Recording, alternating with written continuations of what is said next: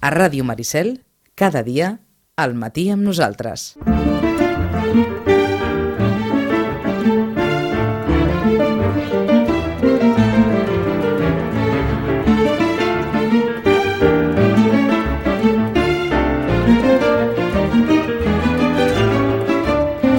Ho havíem deixat fa 15 dies i en, a la rebotiga hi havia encara un munt de novetats per comentar.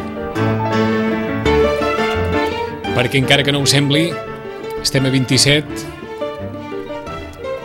3 mesos, Sant Jordi, ja l'haurem passat. I en aquests 3 mesos hem de suposar que, que la càrrega de novetats anirà increixendo. Rosana, bon dia i bona hora. Hola, molt bon dia. Estem a finals de gener i, i ja tenim aquella certa sensació que, que tot ens condueix a Sant Jordi gairebé, eh? Sí, sí, sí, sí. Bueno, primer hem de passar la... la... Bueno, nosaltres el Carnaval. Primer nosaltres hem de passar el Carnaval i també alhora, ja veus que aquest any la, la Setmana de Barcelona Negra, mm, bueno, eh, és entremig, eh? Mhm. O sigui que, bé, parlarem de novel·la policiaca, parlarem de tot, però nosaltres estarem en el nostre Carnaval, mentre els altres ja han començat amb la novel·la policiaca. Exacte. Tot i que portem unes temporades en què ningú deixa la novel·la policiaca, Exacte. es facin esdeveniments més o menys eh, amb repercussió pública, eh, eh, sembla que les editorials han trobat un nou filó, eh? Sí, sí, sí. També no sé si ho porta el temps, no? També No no sé. aquest temps que estem passant, que tothom necessita una cosa que la distrigui molt, que, no? Que sembli que... Encara no? me'n recordo, Rosana, aquells temps de novel·la històrica, Sí. que tot era novel·la després de la Tot, guerra, tot. a- aquells temps en què ens passàvem la vida parlant dels càters i de... Eh? Vull dir que hem anat, hem anat tenint èpoques, Hem no? anat Vull tenint dir, èpoques de tot, eh? I ara, tot, i ara estem tot, en la sí. novel·la negra. Exacte, sí, Però- els, que, els que els agrada la novel·la històrica s'han quedat allà, no? Però Exacte. la gent, o sigui, el gruix, diguéssim, de lectors va, va canviant i, i va, doncs bé, descobrint altres, i Mhm. uh l'editor va aquí, eh? I no parlem del que de, de, de la població jove, diguéssim, eh? els joves lectors que eh, se'n van cap a, cap a un tema que més val no parlar-ne perquè acabaríem tu i jo allò una mica nerviosets, però és allò de que el YouTube és el que triomfa, eh? Sí? O sigui, autors que estan... Autors, bueno, autors, això, diguéssim, gent que, que fa llibres a través d'aquell, doncs, eh, és molt, molt mediàtic a, a la red. D'acord, o sigui que els youtubers s'han passat a l'àmbit, no sé si dir-ne, vaja, literari o, sí, o editorial. al- al llibre de paper, sí. Ah Sí, sí. És a dir, aquells, aquells habituals, diguem-ne, usuaris de YouTube que s'han convertit en referents sí perquè de, han- de, de, de, han fet de del seu... molt joves, Ah, eh? han, fet, han fet del seu canal un, un vaja, una, una, una font d'inspiració per a molts i per tant això és plasmat en format llibre Sí, exacte. Vaja, que seria- que seria Que, la- Diries que, que té, té poca lectura. Eh? Algunes, alguns tenen molt poca lectura, però vaja, diguéssim que, que està la cosa anant també una mica per aquí. Eh? no, no sé si Un banale... fenomen és el Rubius, Mhm. si busques Sí, un fenomen, oh, i tant. eh? I, i ara ja veiem que ja n'hi ha d'altres, saps allò que dius? Bueno, mm, i ara el que hem de vigilar, és clar, que és un món que, que potser no ens hi movem gaire els llibreters en aquest sentit, en aquest canal de, de, de YouTube de, de, de joves, etc Mhm. i, i, i està sent un filó, eh? Uh, um, editors. això vindria a ser vaja, ho vull creure d'aquesta manera, la versió. De, després alguns podrà dir, bé, encara més banalitzada, però de fet és, és l'escriptor mediàtic del segle XXI. Sí, No surt per televisió, no, no. perquè no surt per televisió, els seus canals de difusió són uns altres, però aconsegueixen més difusió que els que aconseguien els escriptors mediàtics per, per televisió, Molta més, eh? molta més, i també van a parar a l'àmbit editorial. Exacte. I Vaja, ara, ara aquests dies, sense anar més lluny, mm, eh, s'ha fet una pel·lícula, amb Ventura Pons s'ha fet una pel·lícula sobre Colita. Sí. Colita fa referència a Terenci Moix, Mhm. a- els que tinguin ja una certa edat, Exacte, vaja, eh? per escriptor mediàtic, Terenci Moix. Ell. Però que, que era quelcom més que un escriptor i que els propis llibreters el tenien en algunes de les seves obres com, a- com a un referent en un tipus de literatura. Exacte. Esclar, hem passat de hem passat de- d'aquests referents, per dir-ho d'alguna forma, a uns altres referents que, que són també d'una generació però que no tenen res a veure amb, amb allò de la literatura tal i com l'enteníem. No, i a més a més vull dir que realment eh, va ser l'únic escriptor que tots, vull dir, el- els, els llibreters que tenim una certa edat, això ho haig de dir, que tenim una certa edat, Mhm. recordem els comercials de l'editorial repartint el llibre de, del Terenci el dia de Sant Jordi. Recordo que ens ho havies explicat, Eh, això. això, vull dir que això no ha tornat a passar més, ni tornarà a passar, perquè mm Mhm. que és impossible avui dia, no? Però eh, com, a, com a nota curiosa, no? I ell, clar, amb ell li feia molt, com a molta il·lusió i alhora demanava disculpes, perquè, esclar, vull dir Sí. que sortir tan tard és, Ei, és horrorós. i, i una època en què, en què els repartidors, Mm. en fi, anaven a Barcelona, a l'època dels recaders, gairebé Sí, diríem. bueno, aquesta, I no, i no dels repartidors, eh? Això, això, això era després, eh, d'això. Exacte. Que, Ho dic perquè ara estem- estem molt tothom acostumats- tenim en ment que, que hi havia Mhm. recaders. Eh? Exacte, ara estem molt acostumats a que demanem una cosa a les 8 del matí i a la 1 del migdia ja la tenim, però en aquella època eh, això no anava així. Per tant, la difusió d'un llibre el mateix dia de Sant Jordi Sí, era una era- feina afegida. eh, Sí, sí, era una, una, Enorme. una, una complicació Mhm. eh, molt enorme, enorme, Eh, per cur- tothom, perquè, esclar... Curiositat, eh, sí, aquest, sí. aquest llibre de Rubius, com es titula? Eh, o- bueno, o- n'hi ha un que es diu, eh, l'últim que, que ha publicat, que és Sí. un còmic, es diu Virtual Hero. Uh -huh.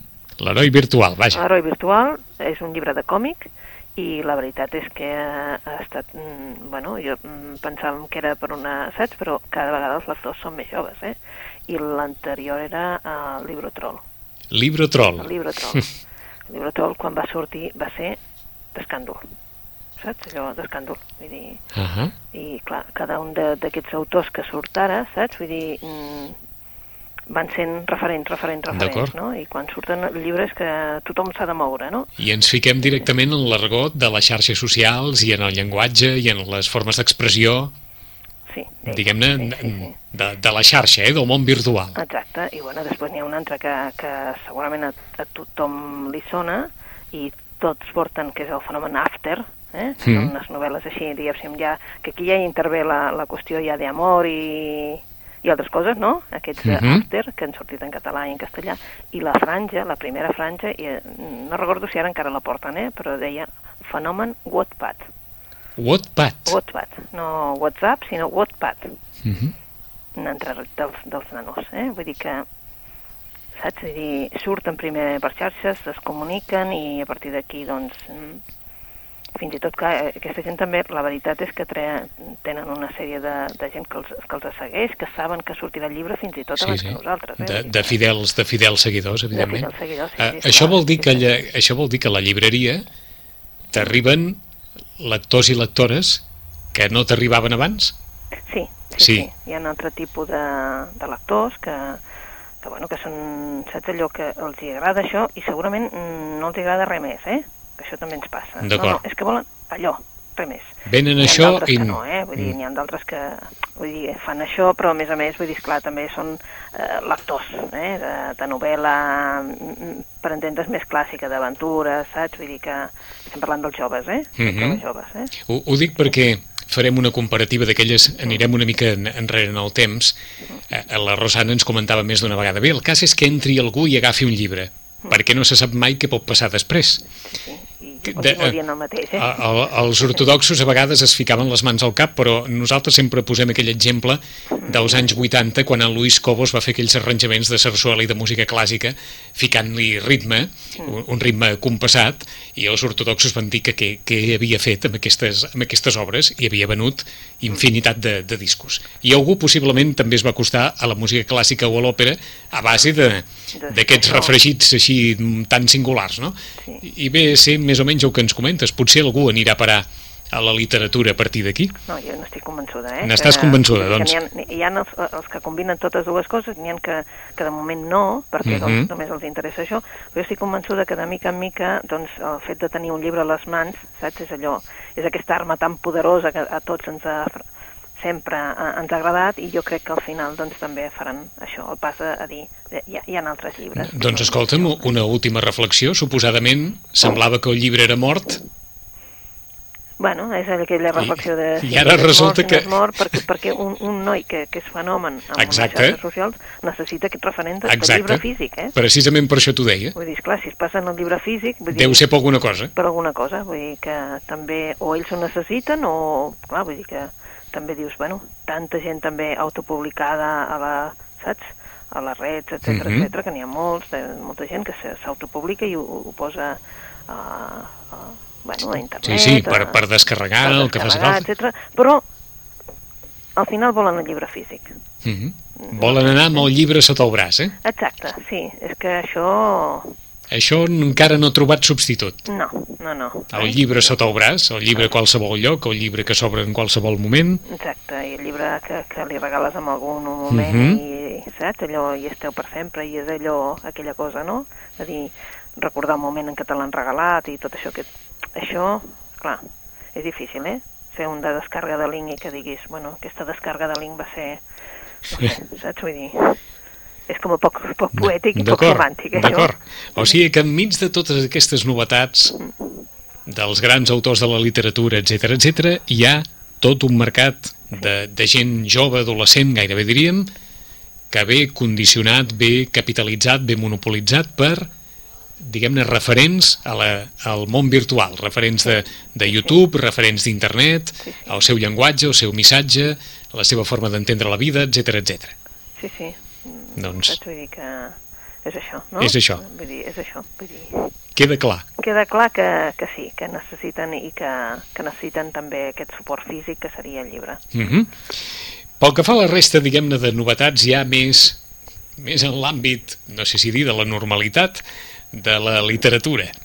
Eh, què acaba de sortir o què està a punt de sortir? Doncs mira, acaba de sortir, bé, comencem, esclar, de, hem de dir que doncs, comença la, la Setmana Negra ja, doncs eh, hem de dir que, esclar, evidentment les taules estan plenes de, de novel·les de, de, de la negra, no?, diguéssim, Mhm. del gènere negre.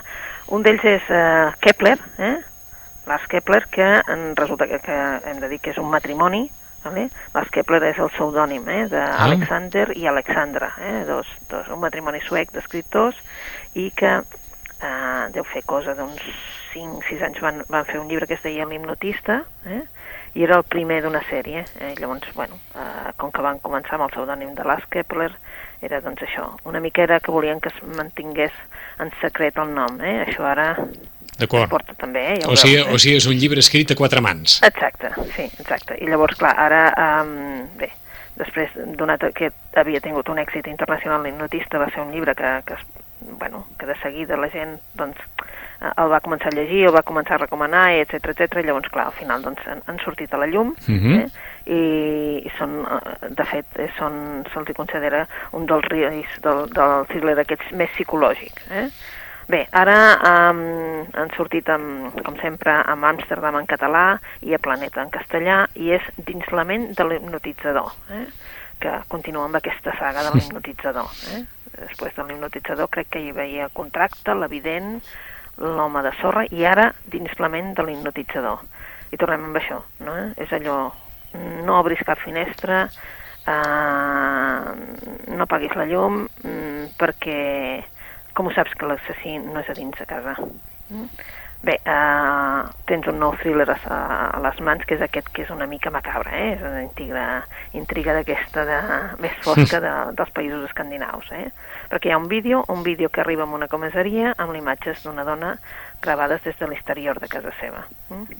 Uns quants dies després, la dona apareix assassinada ha mort mm, realment dessagnada amb moltes ferides, eh? al coll, a la cara, vull dir, saps, una sangada. Al cap de poc temps arriba un altre vídeo a la comissaria i els policies ja diuen, bueno, això ja és que es tracta d'un assassí en sèrie. Llavors ja comencen a córrer i a córrer a actuar contra rellotge. Per què? Perquè saben que apareixerà un altre vídeo i amb una altra persona assassinada. Eh, clar, mm, com es pot eh, atrapar un maníac, no? Clar, eh, quan ja fa públiques les seves intencions i que, eh, clar, les seves víctimes són dones i, i, i immediatament eh, doncs sabem que assassinarà com, com amb algú altre. bueno, eh, el que la pregunta és, n'hi haurà prou amb un hipnotitzador per Mhm. aturar tot aquest, mm, saps, aquest eh, goteig de- de- d'assassinats? Bé, aquesta és el que ens porta ell, um, aquests, aquests dos autors ens porten amb aquesta novel·la, una novel·la que és gruixuda, ja us ho diem, però és que està plena doncs, d'això, d'aquest thriller psicològic que els que els agraden, doncs, el, que els va agradar a l'hipnotista, doncs, la seguiran segurament. Mm -hmm. Són Alexander Andoril i Alexandre Coelho. Exacte. El eh? matrimoni Sí, que- darrere, que s'amaga darrere el pseudònim de Lars Kepler. Sí.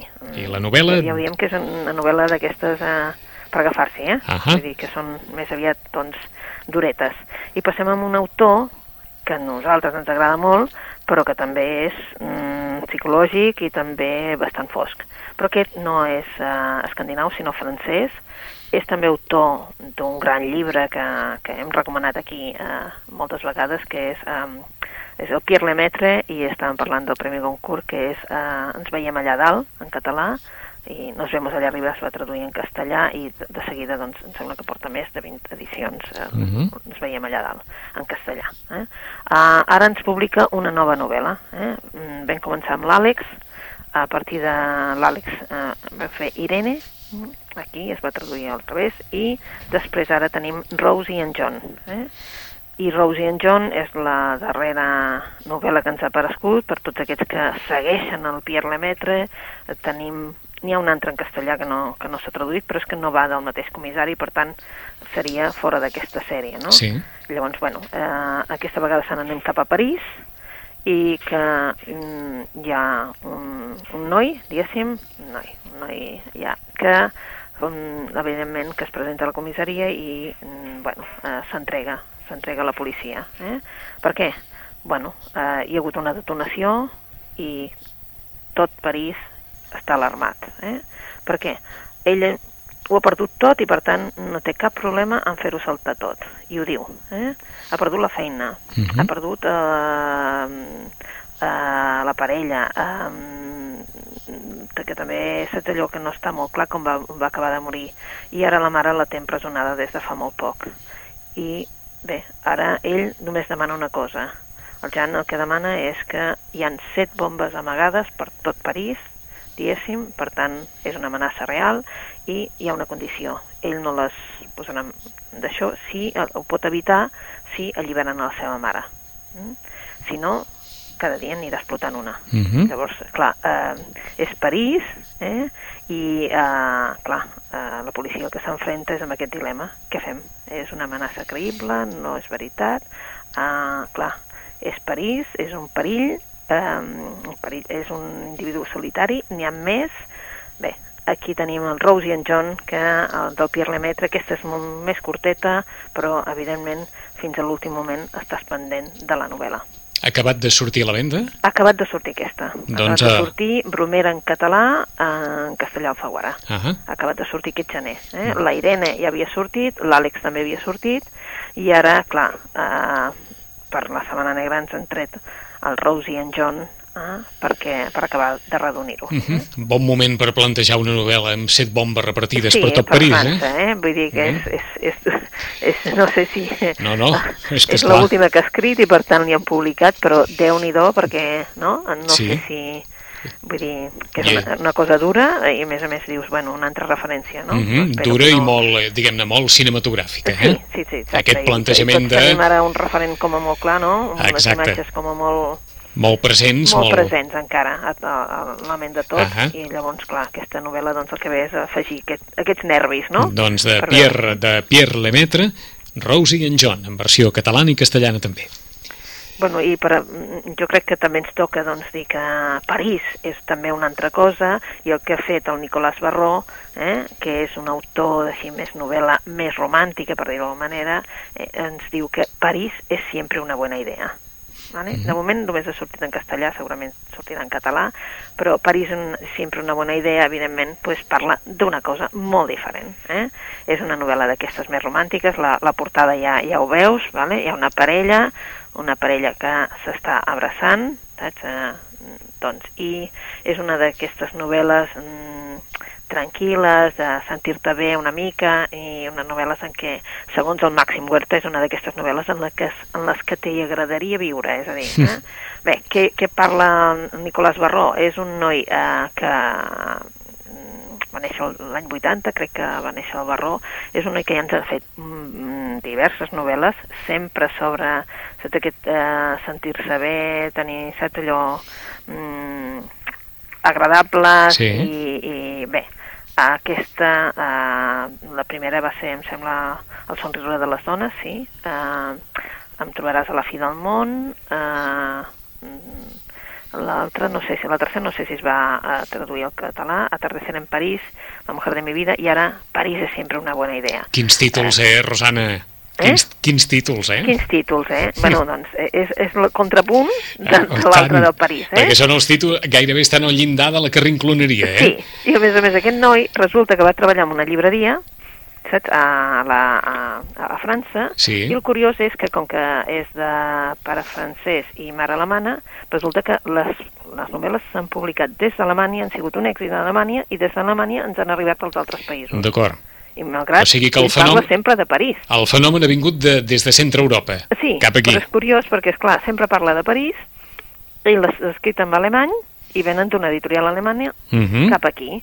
Bé, eh, de què parla? Doncs, pues, bueno, tenim una noia, la Rosalí, bueno, noia, una, una, una protagonista, que és la Rosalí, que té una papereria, que a més a més doncs, ella dissenya postals, etc etc. és una dissenyadora també, i eh, també tenim un personatge que és el Sherman, que és un expert en, en Shakespeare, en, saps aquells eh, filòleg, dona Mhm. classes a la universitat, etc. I de cop i volta, com que la seva mare està vivint a París, mora la seva mare, i ell accepta, eh, bueno, doncs decideix passar un temps a París per arreglar-ho tot, etc. i accepta doncs, una plaça de, de professor a la Sorbona. Eh, de cop i volta un bon dia veu amb aquesta papereria doncs, un, un llibre, un llibre que es diu El tigre blau, i aquest llibre doncs ell es posa molt furiós perquè era un llibre de la seva mare i allà el títol de la seva, el, el, el cognom de la seva mare i veu que és un plagi perquè eh, no és el de la seva mare. Clar, a partir d'aquest moment la, eh, la Rosalie i el Sherman doncs, bueno, mm, ell s'aturarà i diria, bueno, no, perdona, però he entrat aquí, saps allò, dir, munta un escàndol, però a partir d'aquest moment, evidentment, doncs les coses aniran millor, hi haurà un secret, quin és el que secret que s'amaga darrere d'aquest llibre, què, què ha passat amb aquell llibre, i, és clar, doncs París és sempre una bona idea, ja veus com acabarà tot, eh? Bé, bàsicament, eh? Bàsicament, no? Eh? És una altra, eh? És una altra idea, eh? Home, més d'un més d'un oient t'agrairà haver anat a parar eh, Sí. a una novel·la, com a mínim, una miqueta més, eh, com ens comentava la Rosana, eh, eh, aquestes novel·les per estar bé, per sentir-se sí, bé. Sí, bueno, és que l'altre dia vaig llegir una novel·la que són novel·les de feel good, eh? Ah, sí? Hi ha un gènere també d'això? Hi ha un gènere, es veu, eh?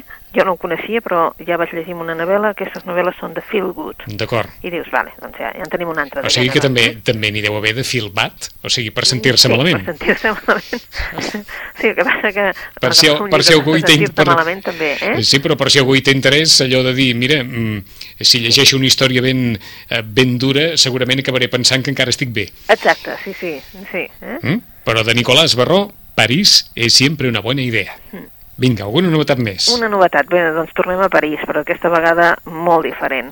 El Rafael Sirves ens porta a París i la novel·la es diu París Austerlitz.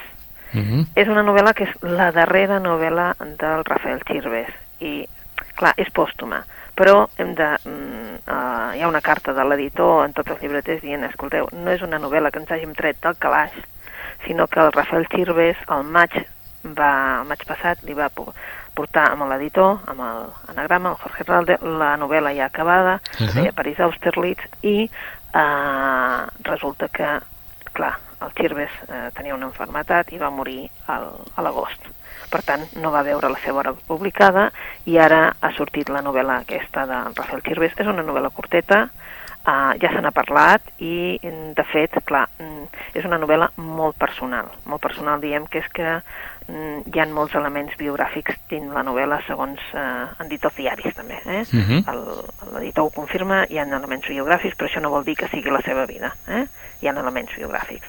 I, bueno, aquí sí que tenim un pintor, un jove, vale? doncs, eh, diguéssim, d'uns 30 anys, més o menys, encara no, eh, és madrileny i, bé, se'n va cap a París sense arribar per buscar evidentment fama i, i, i, i no la troba no la troba però el que s'hi troba quan ja allò, això s'ha acabat, els diners s'han acabat, etc etc, el que s'hi troba és el Michel i el Michel, eh, bé hem de dir que el Michel és un home d'uns 50, 50 i bastants, diguéssim, és un obrer especialitzat, però és un obrer. Mm? Mhm. I bé, té un cos doncs, de- d'allò, eh? de vindre de, de la Normandia, per tant és un cos gros, un, uns modals, diguem-ne, que ratllen, no? D'acord, un sorrut, Exacte, ara sí la paraula sorrut, eh? sorrut. Però ell, eh, té una ànima molt, molt, molt, molt bona i el que fa és acollir-lo a casa seva. Uh -huh. Bé, també l'acull al seu llit i a la seva vida, quan el jo, aquest jove doncs, es queda sense res, no? Sí. Clar, eh, diguem-ne que eh, d'un jove pintor d'una família acomodada de Madrid que ha estudiat al Liceu francès de Madrid, mm, el seu francès i el de l'altre serien un, una significació de, de, de tot el que hi ha, no? Però ara eh, el que fa és, el narrador el que, el que fa ara és explicar-nos aquesta història quan la història ja ha passat. I el que ha passat és que el Michel està molt malalt, i està malalt en un hospital, i llavors és que ens... I què té? Pues està en l'hospital de, de Sant Lluís i el que està és aquella malaltia, aquella malaltia dels anys 80, 90, sobretot, que no se'n podia parlar, Mhm. vale? que era un estigma per tots, que els signes físics eren molt visibles en la gent que la tenia i que doncs et portava tots cap a aquest món, diguem-ne, de, de, de l'homosexualitat, no? aquest estigma que era, i era vergonyant, diguem-ne, no? Bé, ens parla doncs de, dels sentiments de- d'ell, de, dels dies, és una barreja de dies feliços passats amb, amb el Michel, amb sentiments de vergonyiment, de d'haver-lo deixat quan ja no li interessava, a què passa després, què li provoquen les seves eh, visites a l'hospital, és tota una barreja de, de sentiments, d'aquest amor indestructible, etern que tenia el Michel cap amb ell i en canvi doncs, que potser ell mm, eh, l'asfixiava, no? Eh, era massa possessiu, massa asfixiant i ell ho explica d'una manera. És, la novel·la és molt curteta, però la veritat és que és molt punyent. Mm. Molt intensa pel que dius, eh? Molt intensa, sí, molt intensa. Clar, no té res a veure amb el París, és sempre una idea, ja ho avisem. Sí. Eh? No, però bé, és una és una novel·la que ja es veu que la, ell la va començar fa més de 20 anys bé, i la- l'anava abandonant, mm, regagafant-la, suposo Mhm. perquè per aquest tema que diem-ne que, que hi havia aquesta cosa personal que no sabem ben bé què era, però que hi havia coses que, clar, i llavors doncs ha trigat molt a poder-se publicar la novel·la perquè ell la pensava publicar però esclar no, no, no ho va tenir. Però Ah. és això una mica que l'amor ho vens tot, però l'amor també pot ser molt asfixiant Mhm. i molt pesat d'aguantar. O sigui, una relació d'amor que d'alguna manera sobrepassava la capacitat d'un dels dos per assumir-la. Exacte, però també, clar, és una relació de, no, de, de, de diferent capa social, de diferent edat, Mhm. de diferent tot, no?, que també provoca, doncs, això, un descavalcament de tot. Eh? Doncs fem un repàs a les novetats que ens ha portat la Rosana. Per començar, de Lars Kepler, pseudònim darrere el qual s'amaguen Alexander Andoril i Alexandre Coelho, dos escriptors suecs especialitzats en el thriller psicològic i que ens presenten dins la ment de l'hipnotitzador la història de la recerca d'un assassí en sèrie i del paper clau que tindrà un hipnotitzador per la seva recerca. És una de les propostes de l'autor o dels autors que estan darrere també El hipnotista, un dels llibres de més èxit dels darrers temps. De Pierre Lemaitre, autor francès que també té molts seguidors, Rosie and John, una història de gairebé diríem que, que assenyalaríem com a, com a carn d'adaptació cinematogràfica. Un home que arriba a una policia de París, que s'entrega a la comissaria de policia i que diu obertament, més que entregar-se, amenaça amb que hi ha set artefactes explosius repartits per tota la ciutat i que aniran esclatant sempre i quan no li retornin a la seva mare, que està a la presó. La novel·la es diu Rosie and John, novel·la, novel·la curta, però també intensa, de Pierre Lemaitre. A París també passa la història de Nicolás Barró, París és sempre una bona idea, aquesta història també d'amor entre la, la persona que gestiona una papereria i un professor universitari que arriba de fora a París per atendre el que, bé, tot el que és la gestió administrativa, burocràtica que, que sorgeix de, des de la mort de la seva mare, accepta una plaça a la Universitat de la Sorbona i un dia troba un llibre, el Tigre Blau, un llibre de la seva mare, eh, que en el seu dia ho va escriure la seva mare, versionat amb el nom d'una altra persona, i a partir d'aquí comença una relació amb la Rosalie i la resta de la història se la poden imaginar. llibre que acaba bé, novel·la per, de bon rotllo, per, per passar una bona estona i per sentir-se bé. I finalment, això ja és més dur, el que ens comentava la Rosana, la novel·la pòstuma de Rafael Chirves, novel·la que va entregar al seu editor el mes de maig del 2015.